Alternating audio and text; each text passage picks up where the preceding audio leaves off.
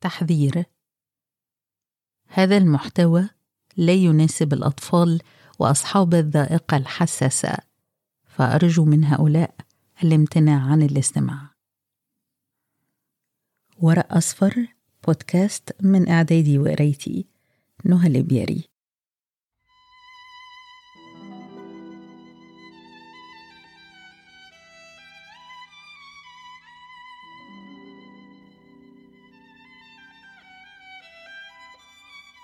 ألف ليلة وليلة.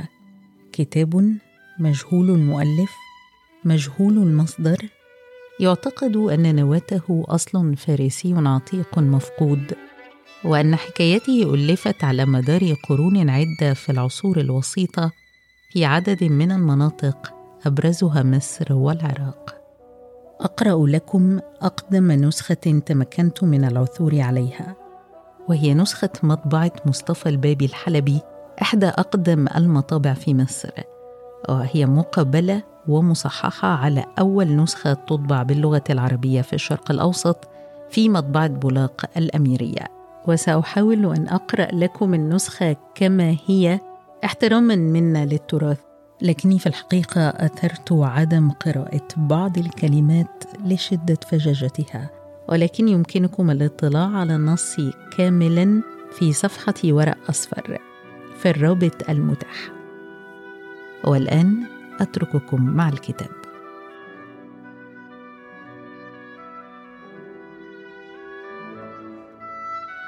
فلما كانت الليلة الحادية والعشرون قال بلغني أيها الملك السعيد أن الجني لما حكى للجنية حكاية بنت وزير مصر وأن الملك كتب كتابها على السيس الأحدب وهي في غاية الحزن وإنه لا أحد يشبهها في الجمال غير هذا الشاب.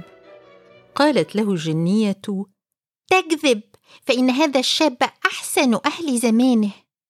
فرد عليها العفريت وقال والله يا أختي إن الصبية أحسن من هذا ولكن لا يصلح لها إلا هو فإنهما مثل بعضهما ولعلهما أخوان أو ولد عم. فيا خسارتها مع هذا الأحدب. فقالت له يا أخي دعنا ندخل تحته ونحمله ونروح به إلى الصبية التي تقول عليها وننظر أيهما أحسن. فقال العفريت سمعا وطاعة هذا كلام صواب وليس هناك أحسن من هذا الرأي الذي اخترته فأنا أحمله. ثم إنه حمله وطار به إلى الجو.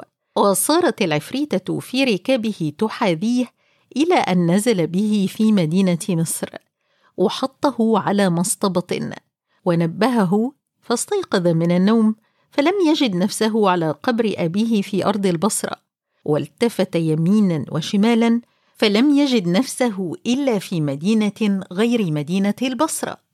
فأراد أن يصيح فغمره العفريت وقاد له شمعة وقال له أعلم أني جئت بك وأنا أريد أن أعمل معك شيئا لله.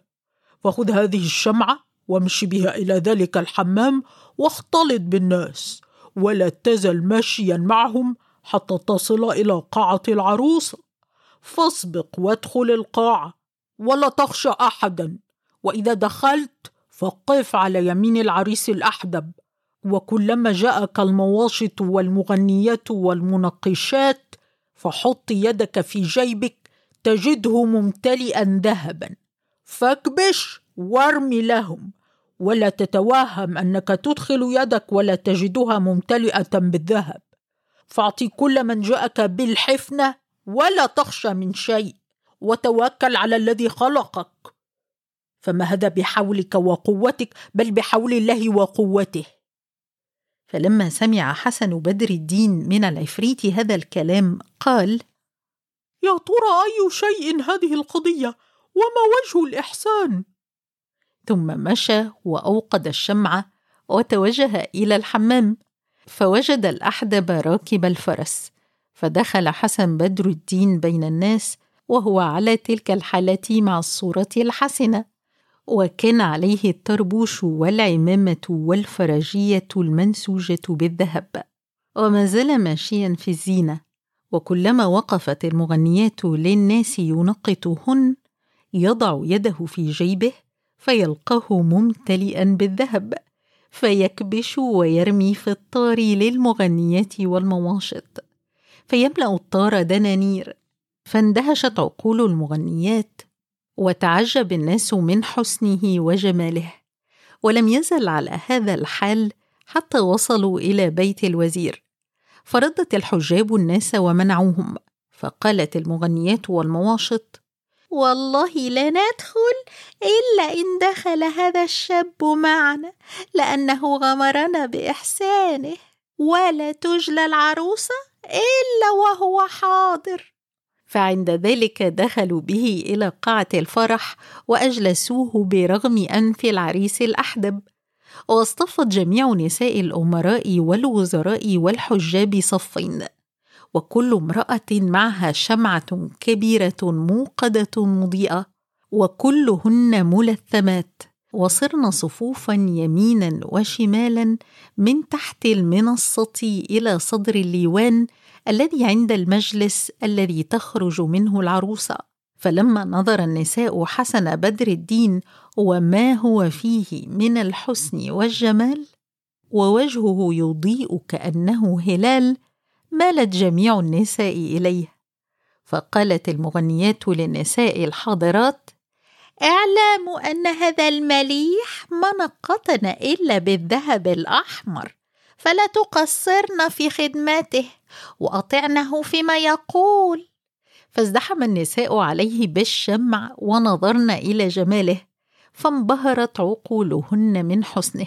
وصارت كل واحدة منهن تود أن تكون في حضنه سنة أو شهرا أو ساعة. ورفعن ما كان على وجههن من النقاب وتحيرت منهن الألباب وقلن هنيئا لمن كان هذا الشاب له أو عليه.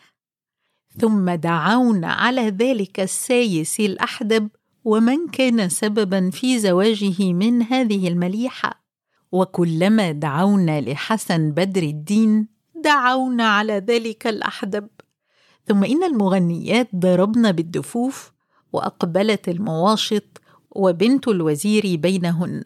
وقد طيبنها وعطرنها والبسنها وحسن شعرها ونحرها بالحلي والحلل من لباس الملوك والأكاسرة ومن جملة ما عليها ثوب منقوش بالذهب الأحمر وفيه صور الوحوش والطيور وهو مسبول عليها من فوق حواجيها وفي عنقها عقد يساوي الألوف قد حوى كل فص من الجوهر. ما حاز مثله تبع ولا قيصر وصارت العروسة كأنها البدر إذا أقمر في ليلة أربعة عشر وكلما أقبلت كانت كأنها حورية. فسبحان من خلقها بهية وأحدق بها النساء فصارت كالنجوم وهي بينهن كالقمر إذا انجلى عنه الغيم. وكان حسن بدر الدين البصري جالسا والناس ينظرون إليه. فخطرت العروسة وأقبلت وتمايلت. فقام إليها السيس الأحدب ليقبلها فأعرضت عنه وانقلبت حتى صارت قدام حسن ابن عمها. فضحك الناس فلما رأوها مالت إلى نحو حسن بدر الدين وحط يده وكبش الذهب ورمى في طار المغنيات فرحوا وقالوا كنا نشتهي أن تكون هذه العروسة لك؟ فتبسم. هذا كله والسيس الأحدب وحده كأنه قرد. وكلما أوقدوا له الشمعة طفئت. فبهت وصار قاعدا في الظلام يمقت في نفسه. وهؤلاء الناس محدقون به. وتلك الشموع الموقدة بهجتها من أعجب العجاب. يتحير من شعاعها أولو الألباب. وأما العروسة فإنها رفعت كفيها إلى السماء وقالت اللهم اجعل هذا بعلي وأرحني من هذا السايس الأحدب. وصارت المواشط تجلي العروسة إلى آخر السبع خلع على حسن بدر الدين البصري. والسيس الأحدب وحده فلما فرغوا من ذلك أذنوا للناس بالانصراف. فخرج جميع من كان في الفرح من النساء والأولاد ولم يبقى إلا حسن بدر الدين والسيس الأحدب. ثم إن المواشط أدخلن العروسة ليكشفن ما عليها من الحلي والحلل ويهيئنها للعريس. فعند ذلك تقدم السيس الأحدب إلى حسن بدر الدين وقال يا سيدي أنستنا في هذه الليلة وغمرتنا بإحسانك فلما لا تقوم تروح بيتك بلا مطرود. فقال له بسم الله. ثم قام وخرج من الباب فلقيه العفريت فقال له قف يا بدر الدين فإذا خرج الأحدب إلى بيت الراحة فادخل أنت واجلس في المخدع. فإذا أقبلت العروسة فقل لها أنا زوجك والملك ما عمل تلك الحيلة إلا لأنه يخاف عليك من العين. وهذا الذي رأيته سايس من سياسنا. قم أقبل عليها واكشف وجهها ولا تخشى بأسا من أحد. فبينما بدر الدين يتحدث مع العفريت وإذا بالسيس دخل بيت الراحة وقعد على الكرسي فطلع له العفريت من الحوض الذي فيه الماء في صورة فأر. وقال زيق! فقال الأحدب ما جاء بك هنا فكبر الفأر وصار كالقط ثم كبر حتى صار كلبا وقال فلما نظر السيس ذلك فزع وقال اخسأ يا مشؤوم! فكبر الكلب وانتفخ حتى صار جحشا. ونهق وصرخ في وجهه. فانزعج السيس وقال الحقوني يا أهل البيت. وإذا بالجحش قد كبر وصار قدر الجاموسة وسد عليه المكان وتكلم بكلام ابن آدم وقال ويلك يا أحدب يا أنتن السياس فلحق السايس البطن وقعد على الملاقي بأثوابه واشتبكت أسنانه ببعضها فقال له العفريت هل ضاقت عليك الأرض فلا تتزوج إلا بمعشوقتي؟ فسكت السايس فقال له رد الجواب وإلا أسكنك التراب فقال والله ما لي ذنب إلا أنهم غصبوني عرفت أن لها عشاقا من الجواميش ولكن أنا تائب إلى الله. ثم إليك. فقال له العفريت أقسم بالله إذا خرجت في هذا الوقت من هذا الموضع أو تكلمت قبل أن تطلع الشمس لأقتلنك. فإذا طلعت الشمس فاخرج إلى حل سبيلك ولا تعد إلى هذا البيت أبدا. ثم إن العفريت قبض على السيس الأحدب وقلب رأسه في الملاقي وجعل رجليه إلى فوق وقال له وأستمر هنا وأنا أحرسك إلى طلوع الشمس. هذا ما كان من قصة الأحدب وأما ما كان من قصة حسن بدر الدين البصري فإنه خلى الأحدب والعفريت يتخاصمان ودخل البيت وجلس في داخل المخدع.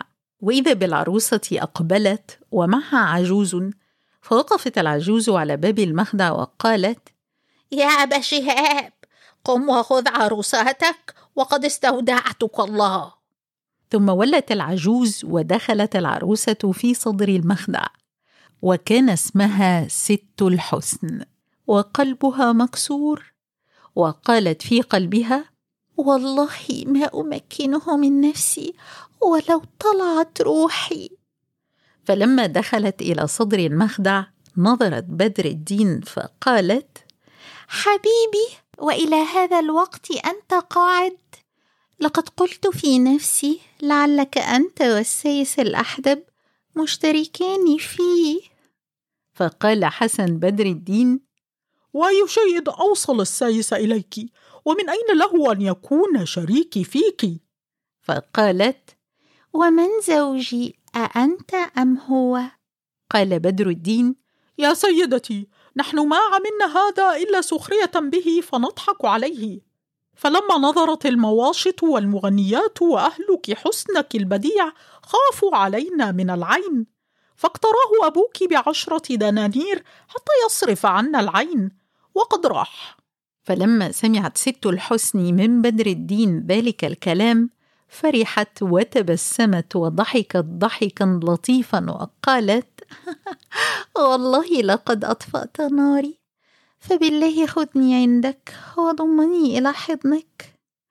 وكانت بلا لباس فكشفت ثوبها إلى نحرها فبان قدامها ووراءها فلما نذر بدر الدين صفاء جسمها تحركت فيه الشهوة فقام وحل لباسه ثم حل الكيس الذهب الذي كان أخذه من اليهودي ووضع فيه ألف دينار ولفه في سرواله وحطه تحت ذيل الطراحة وقلع عمامته ووضعها على الكرسي وبقي بالقميص الرفيع. وكان القميص مطرزا بالذهب فعند ذلك قامت إليه ست الحسن وجذبته إليها وجذبها بدر الدين إليه وعانقها وأخذ رجليها في وسطه ثم ركب المدفع وحرره على القلعة وأطلقه فهدم البرج. فوجد هادرة ما ثقبت ومطية لغيره ما ركبت فأزال بكرتها وتملى بشبابها. ولم يزل يركب المدفع ويرد إلى غاية خمس عشرة مرة. فعلقت منه. فلما فرغ بدر الدين وضع يده تحت رأسها وكذلك الأخرى وضعت يدها تحت رأسه. ثم إنهما تعانقا وناما متعانقين وشرح بعناقهما مضمون هذه الأبيات. زر من تحب ودع كلام الحاسد ليس الحسود على الهوى بمساعدي. لم يخلق الرحمن أحسن منظرا من عاشقين على فراش واحد. متعانقين عليهما حلل الرضا. متوسدين بمعصم وبساعد. وإذا تألفت القلوب مع الهوى فالناس تضرب في حديد بارد. وإذا صفى لك من زمانك واحد فهو المراد وعش بذاك الواحد. هذا ما كان من أمر حسن بدر الدين وست الحسن بنت عمه. وأما ما كان من أمر العفريت فإنه قال للعفريته قومي وادخلي تحت الشاب ودعينا نوديه مكانه لئلا يدركنا الصبح فإن الوقت قريب. فعند ذلك تقدمت العفريته ودخلت تحت ذيله وهو نائم وأخذته وطارت به وهو على حاله بالقميص وهو بلا لباس. وما زالت العفريتة طائرة به والعفريت يحاذيها فأذن الله الملائكة أن ترمي العفريت بشهاب من نار فاحترق وسلمت العفريتة فنزلت بدر الدين في موضع ما أحرق الشهاب العفريت ولم تتجاوزه به خوفا عليه. وكان بالأمر المقدر ذلك الموضع في دمشق الشام. فوضعته العفريتة على باب من أبوابها وطارت. فلما طلع النهار وفتحت أبواب المدينة خرج الناس فنظروا شابا مليحا بالقميص والطاقية بلا عمامة ولا لباس وهو مما قاس من السهر غرقان في النوم. فلما رآه الناس قالوا يا بخت من كان هذا عنده في هذه الليلة ويا ليته صبر حتى لبس حوائجه. وقال الآخر مساكين أولاد الناس لعل هذا يكون في هذه الساعة خرج من المسكرة لبعض شغله فقوي عليه السكر فتاه عن المكان الذي كان قصده حتى وصل إلى باب المدينة. فوجده مغلقا فنام هنا وقد خاض الناس فيه بالكلام. وإذا بالهوى هب على بدر الدين فرفع ذيله من فوق بطنه فبان من تحته بطن وسرة محققة وسيقان وأفخاذ مثل البلور. فصارت الناس يتعجبون. فانتبه بدر الدين فوجد روحه على باب مدينة وعليها ناس. فتعجب وقال أين يا جماعة الخبر؟ وما سبب اجتماعكم علي؟ وما حكايتي معكم؟ فقالوا نحن رأيناك عند آذان الصبح ملقى على هذا الباب نائما ولا نعلم من أمرك غير هذا. فأين كنت نائما هذه الليلة؟ فقال حسن بدر الدين والله يا جماعة إني كنت نائما هذه الليلة في مصر. فقال واحد هل أنت تأكل حشيشا؟ وقال بعضهم وأنت مجنون! كيف تكون بائتا في مصر وتصبح نائما في مدينة دمشق؟ فقال لهم والله يا جماعة الخير لم أكذب عليكم ابدا. وأنا كنت البارحة بالليل في ديار مصر وقبل البارحة كنت بالبصرة. فقال واحد هذا شيء عجيب. وقال الآخر هذا الشاب مجنون! وصفقوا عليه بالكفوف. وتحدث الناس مع بعضهم وقالوا يا خسارة شبابه والله في جنونه خلاف. ثم إنهم قالوا ارجع لعقلك. فقال حسن بدر الدين كنت البارحة عريسا في ديار مصر. فقالوا لعلك حلمت ورأيت هذا الذي تقول في المنام. فتحير حسن في نفسه وقال لهم والله ما هذا منام وأين السايس الأحدب الذي كان قاعدا عندنا والكيس الذهب الذي كان معي؟ وأين ثيابي ولباسي؟ ثم قام ودخل المدينة ومشى في شوارعها وأسواقها فازدحمت عليه الناس فزفوه. فدخل دكان طباخ وكان ذلك الطباخ رجلا مسرفا. فتاب الله عليه من الحرام. وفتح له دكان طباخ وكان أهل دمشق كلهم يخافون منه بسبب شدة بأسه. فلما نظر الناس إلى الشاب وقد دخل دكان الطباخ افترقوا وخافوا منه. فلما نظر الطباخ إلى حسن بدر الدين وشاهد حسنه وجماله وقعت في قلبه محبته فقال له من أين أنت يا فتى؟ فاحكي لي حكايتك. فإنك صرت عندي أعز من روحي. فحكى له ما جرى من المبتدأ إلى المنتهى. فقال له الطباخ يا سيدي بدر الدين اعلم أن هذا أمر عجيب وحديث غريب ولكن يا ولدي اكتم ما معك حتى يفرج الله ما بك. واقعد عندي في هذا المكان وأنا مالي ولد فأتخذك ولدا. فقال له بدر الدين الأمر ما تريد يا عم. فعند ذلك نزل الطباخ إلى السوق واشترى لبدر الدين أقمشة مفتخرة وألبسه إياها. وتوجه به إلى القاضي وأشهد على نفسه أنه ولده. وقد اشتهر حسن بدر الدين في مدينة دمشق أنه ولد الطباخ. وقعد عنده في الدكان يقبض الدراهم. وقد استقر أمره عند الطباخ على هذه الحالة. هذا ما كان من أمر حسن بدر الدين. وأما ما كان من أمر ست الحسن بنت عمه فإنه لما طلع الفجر وانتبهت من النوم لم تجد حسن بدر الدين قاعدا عندها. فاعتقدت أنه دخل المرحاض فجلست تنتظره ساعة.